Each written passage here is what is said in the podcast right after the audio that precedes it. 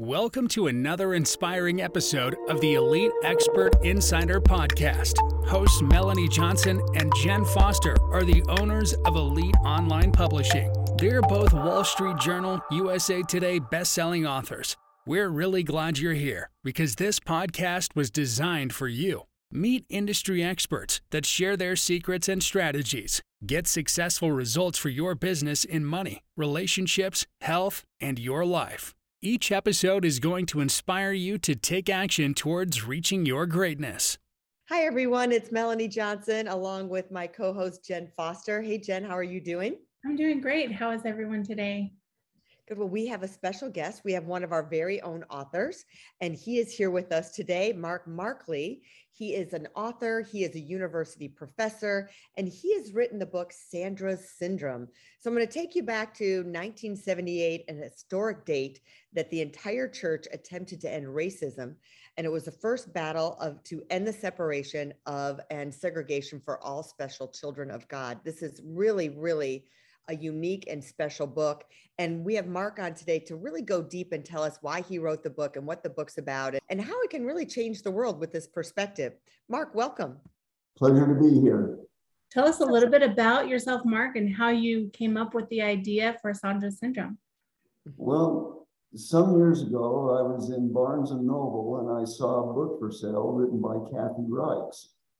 Now, Kathy is the creator of Dr. Temperance Brennan, if you may remember Bones on television. Mm-hmm. Oh, yeah. And she is a forensic anthropologist.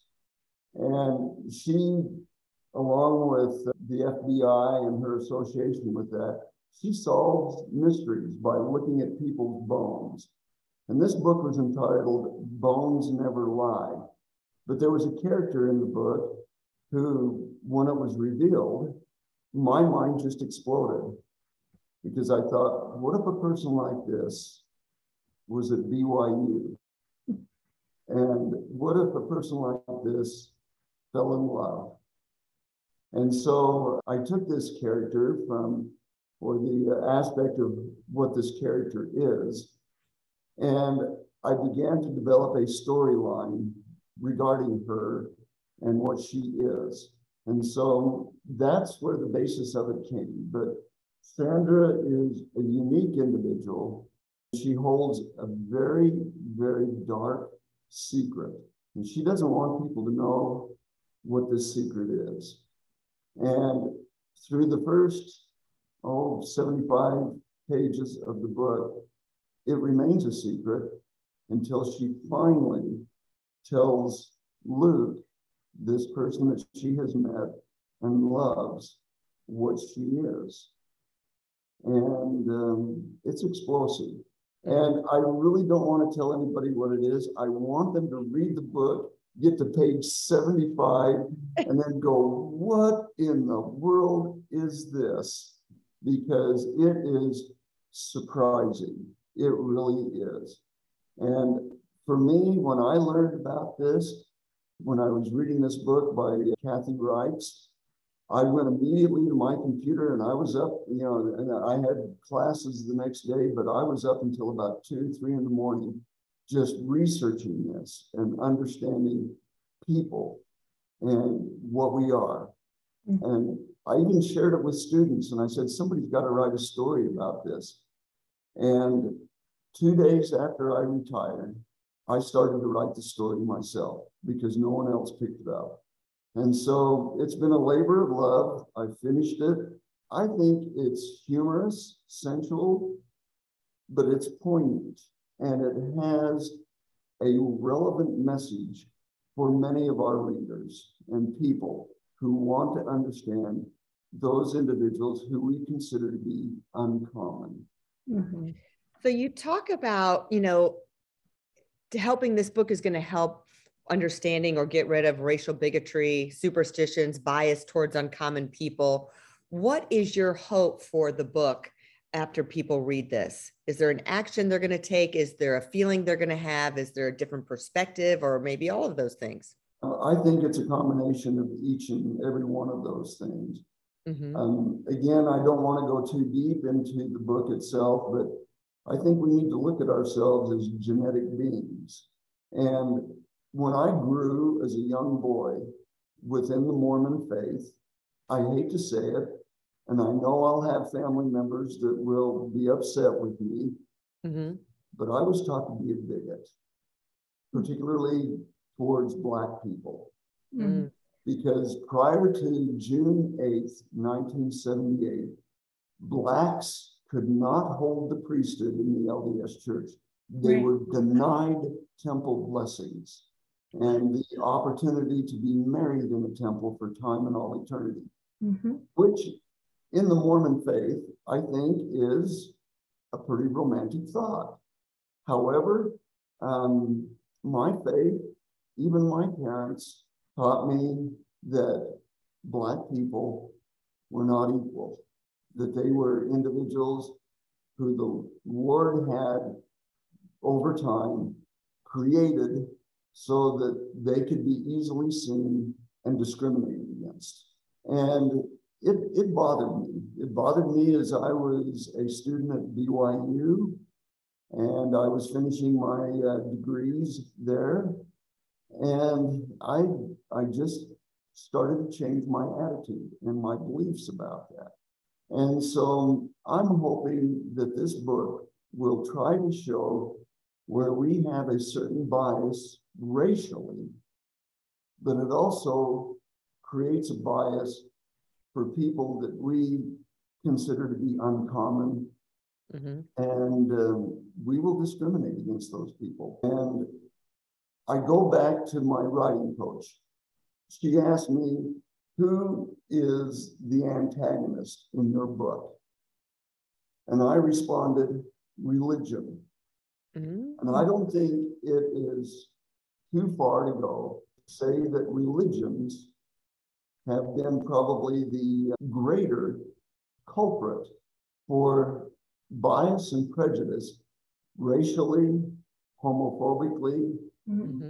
and, and in other social issues uh, regarding economics and other kinds of situations.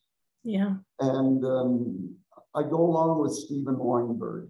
Steven Weinberg was a physicist, Nobel winning physicist. And he said a good number of things about religion. He said, with or without religion, good people will always do good things, and evil people will always do evil things. But for good people to do evil things, that takes religion. And I will mark Abraham and Isaac where Abraham, who believed that it was God's will to take his only son and lift a knife and come down with it. I mean, there fundamentally, that is an issue that I cannot accept. And now that we see all of the other kinds of biases and prejudices that we have in a number of different areas that come from the teachings of religion. You know, I include my rearing to be biased against blacks. Mm-hmm. I include the terrorists who hijack airplanes or, you know, put on bombs around their under their coats and go in and explode and kill people.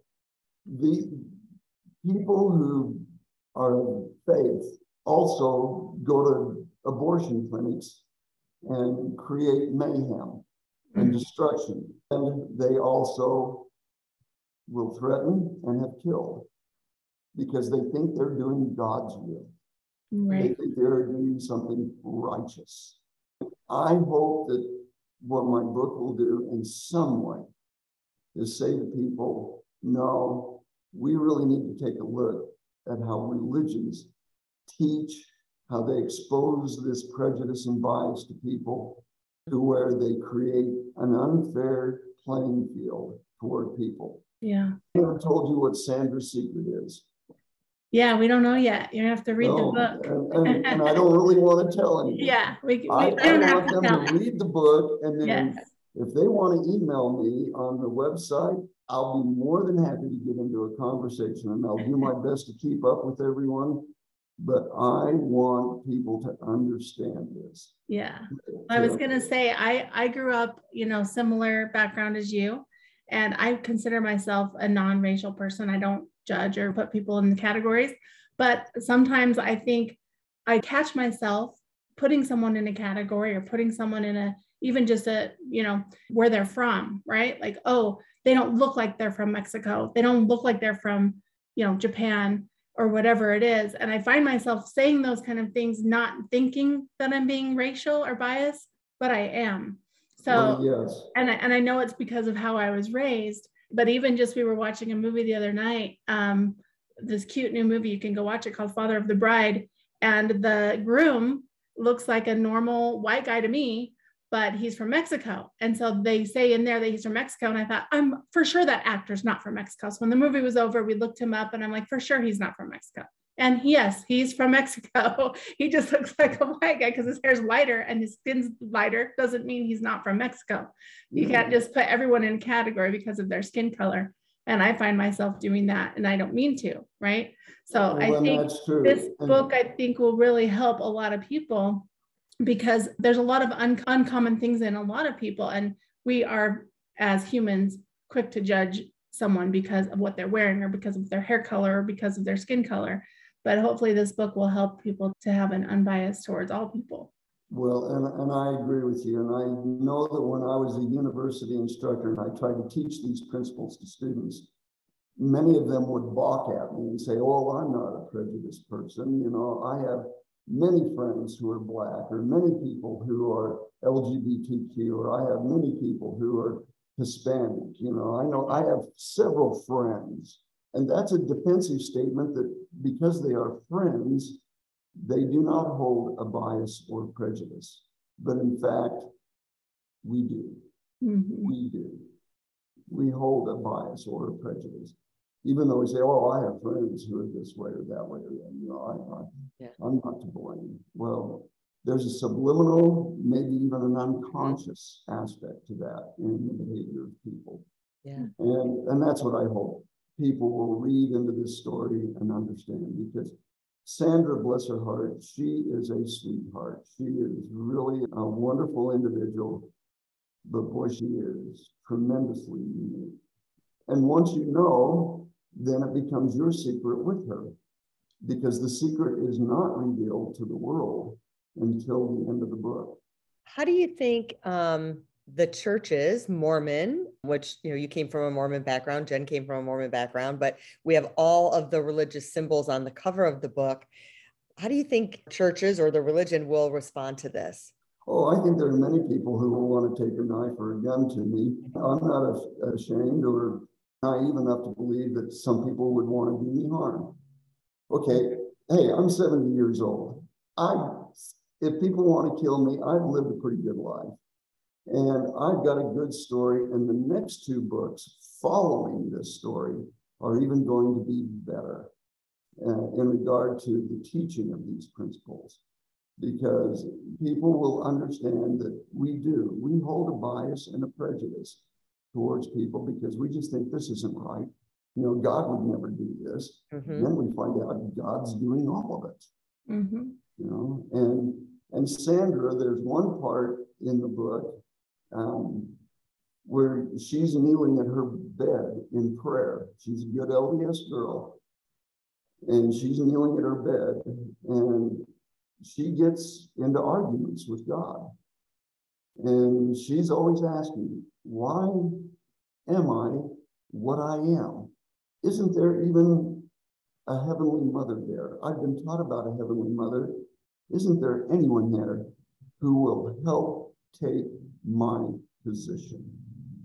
And I think it's sad that we don't hear these people and understand that what makes them so unique is nothing of their creation it was given to them from birth. Mm-hmm. And we need to understand our feeling and our behavior towards these people. Because um, you'll find with Sandra, you'll fall in love with her. And uh, Luke is humorous, he's fun, and you'll fall in love with him. And uh, in fact, I think he's the greatest, one of the greatest characters because of his love and devotion for Sandra. Mm-hmm. So um, that's why I call it a love story of true life fiction. It, it can happen to anyone, but you're entitled to still fall in love. And like we say, you know, God makes no mistakes. They say you were born this way. So God makes no if you believe that God makes no mistakes, there's there's a reason. No arguments for me. Yeah. you know, and um, there are so many answers that I have now. And that's why I'm very anxious to get the second book written because um, of what happens at the end of Sandra syndrome. And there's a miraculous occurrence that occurs on the on the final page of the book, and um, that won't be answered until the, the next book. Awesome. Well, we're excited for the book that will release on July 26th. So you can go and get it on sale on that day and then regular price after that. So you can pick up the ebook and then the paperback will also be released as well. You can pick up the paperback and it is a great read and you can find out what Sandra's secret is. Yes. We I, hope you guys will will all go to that and you can find the book at markmerkley.com. We'll put that URL and that domain name up at the bottom of the show notes. I promise I'll do my best. I I hope that I have a hundred thousand emails I need to answer, and I'll do my best to get to everyone. But you know, I don't know if a hundred thousand is realistic. But you know, I want as many people to read this book as possible. And uh, you know, I I don't want to say too much about money because money doesn't mean that much to me. I have a concept, an idea that I want to get across to people. And if there's any money to be made, it, it will go into an endowment and it'll be used for education. Well, we are looking forward to this book and the next book that you're going to publish. And if you would like to publish with Elite Online Publishing, just go to our website and hit the submission. Um, just like Mark's book, we know it's going to be a bestseller because that's what we do for our authors. So we'll see you next time. Hope you have a great week, everyone.